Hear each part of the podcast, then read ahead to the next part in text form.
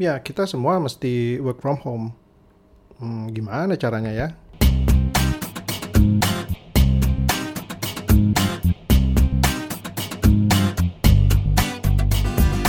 Halo teman-teman, saya Abang Edwin atau biasa dipanggil Bang Win. Uh, karena saya sudah bertahun-tahun melakukan remote working, maka kali ini saya ingin berbagi sedikit uh, tentang apa yang harus disesuaikan agar kalian bisa melaksanakan work from home dengan mudah. Sebetulnya, remote working itu nggak ada bedanya dengan bekerja di kantor seperti biasa sih. Cuman, ngejalaninya nggak di kantor. Nah, sehingga semua cara berkomunikasi yang biasanya dilakukan di kantor harus disesuaikan dengan adanya keterpisahan tersebut. Bagi yang belum pernah melakukan uh, work from home atau WFH, kemungkinan mereka akan mendapati suasana yang benar-benar baru dan butuh penyesuaian. Rumah memang bukanlah tempat yang dirancang untuk kebutuhan bekerja, melainkan untuk aktivitas keluarga. Namun, dalam kondisi tertentu, kita harus mulai membiasakan diri untuk dapat melakukan WFH tersebut. Ada lima poin yang dapat saya bagikan agar bisa membuat kondisi eh, WFH lebih efektif. Yang pertama, berkomunikasilah secara intens. Pernah nggak ada dalam situasi di mana kita bertanya-tanya karena salah satu rekan kerja kita lama nggak kelihatan di kantor dan nggak ada yang tahu ke mana dia? Biasanya kita semua akan mulai nebak-nebak tuh, dan berasumsi terhadap rekan kerja yang lama nggak kelihatan tersebut. Pada saat kita menjalani work from home, ya sama juga, semua orang akan bertanya-tanya, si A lagi apa ya? Si B sudah mengerjakan bagian mana? Dan seterusnya.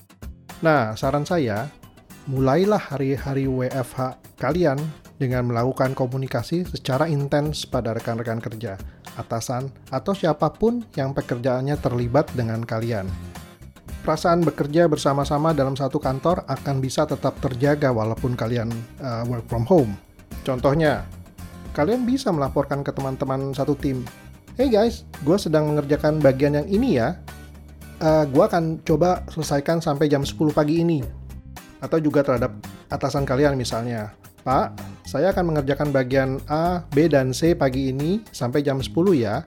Nanti saya kabari lagi hasilnya kesannya jadi kayak bawel ya, tapi ini akan terus mengingatkan pada semua rekan kerja bahwa kita tetap bekerja di kantor. Hanya saja dalam prakteknya kita sedang melakukan work from home.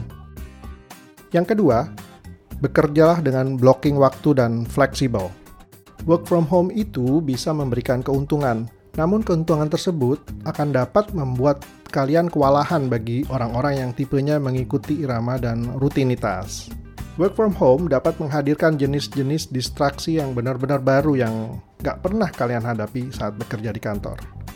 Nah, di awal kan uh, saya bilang bahwa uh, work from home itu bisa memberikan keuntungan. Salah satunya, kalian bisa memasukkan aktivitas-aktivitas rumah juga ke dalam kalender kerja dengan cara blocking waktu tersebut. Misalnya, mulai bekerja pada jam 8 pagi sampai jam 10 Lalu kalian bisa memasukkan aktivitas rumah juga setelahnya, seperti misalnya pergi ke bank, mengajak jalan-jalan uh, anjing peliharaan keluar, mengurusi tanaman, dan lain sebagainya sampai waktu yang kita tentukan sendiri. Fleksibilitas itulah yang disebut sebagai keuntungan. Hanya saja kalian perlu waspada agar tidak membiarkan uh, fleksibilitas tersebut mendominasi dan menjadikannya sebagai uh, norma baru dalam WFH kalian. Setidaknya dalam blocking waktu yang sudah ditentukan untuk pekerjaan, usahakan semuanya dapat tercapai. Dan mesti diingat bahwa menjadi fleksibel itu artinya bukan menghilangkan target pekerjaan yang waktunya kalian sudah blok, tapi bisa juga memindahkannya ke waktu lain jika ada pekerjaan-pekerjaan lain yang berkaitan dengan urusan rumah harus diselesaikan. Ketiga, tentukan tempat kerja kalian. Bagi kalian yang belum pernah work from home ataupun melakukan remote working, mungkin kalian tidak memiliki tempat khusus untuk bekerja di rumah. Namun, saat kalian diharuskan untuk melakukan work from home dalam waktu yang tidak bisa ditentukan, maka penentuan tempat kerja kalian di dalam rumah harus segera dilakukan.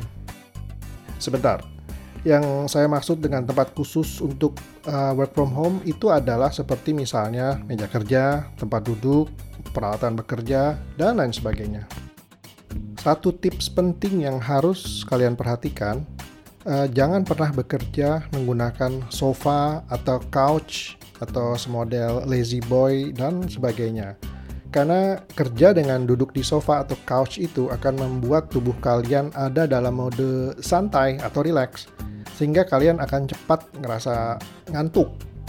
Dan juga jika kalian melakukan video conference di mana kalian duduk di sofa atau couch akan memperlihatkan suatu keadaan yang santai, yang nggak terlalu baik jika di saat-saat kalian sedang kerja sebetulnya. Hal ini memang nggak bisa digeneralisir ya. Mungkin saja dalam tim kerja yang lebih kecil, hal ini tidak akan terjadi. Tapi saat ini, saya sih menyarankan supaya tidak memilih sofa atau couch sebagai tempat kerja saat kita uh, work from home. Setelah kalian memilih lokasi tempat work from, work from home di rumah, lalu komunikasikan dengan orang rumah sehingga semua orang bisa menjaga agar pekerjaan atau urusan personal tidak bercampur terlalu banyak walaupun kalian kerja di rumah. Selain itu, jika kalian memilih sofa atau couch atau tempat tidur sebagai tempat kalian work from home, ya mungkin aja ya, maka uh, akan mulai muncul perasaan aneh yang mengganggu, seperti misalnya merasa pekerjaan yang nggak kelar-kelar, atau sejenisnya yang diakibatkan percampuran atmosfer rumah dengan aktivitas kerja. Nah, kalian pasti tidak ingin ini terjadi. Keempat, meeting saat work from home. Dalam kondisi work from home, bisa dipastikan kita akan menggunakan peralatan-peralatan yang menunjang untuk terjadinya meeting tersebut. Uh, bisa conference call, bisa juga video conference. Tips utama yang bisa saya berikan adalah jangan lupa memute atau mematikan suara kita pada mikrofon, uh, bukan pada speaker ya atau headphone ya dan biarkan video dan suara pada speaker atau headphone menyala. Sehingga kita bisa tetap memonitor jalannya meeting tersebut tanpa gangguan suara yang ada dalam rumah, yang bisa saja muncul sewaktu-waktu saat meeting berjalan. Selain itu, jika sedang meeting, usahakan fokus pada meetingnya tanpa melakukan hal-hal lain. Uh, kalian juga pasti nggak mau saat giliran ditanya lalu gelagapan karena nggak fokus pada saat meeting uh, meeting tersebut kan? Tentunya itu bikin nggak enak suasana meetingnya nantinya.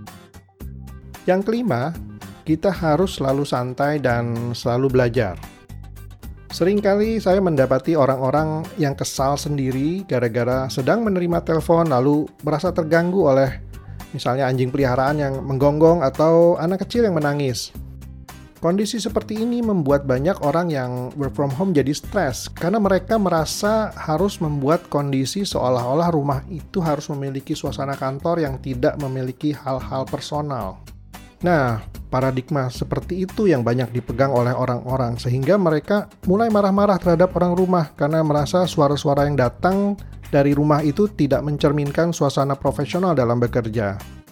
Ya tentu saja, hal tersebut nggak bisa dihindari kalian sedang WFH yang kepanjangannya saja adalah working from home. Jadi ya santai aja. Biarkan saja anak-anak menangis atau biarin aja anjing-anjing peliharaan kalian menggonggong dan lain sebagainya. Uh, atasi dengan sikap yang permisif lalu bilang uh, maaf ya guys, di sini lagi berisik. Saya coba cari tempat yang lebih sepi dulu ya. Misalnya begitu.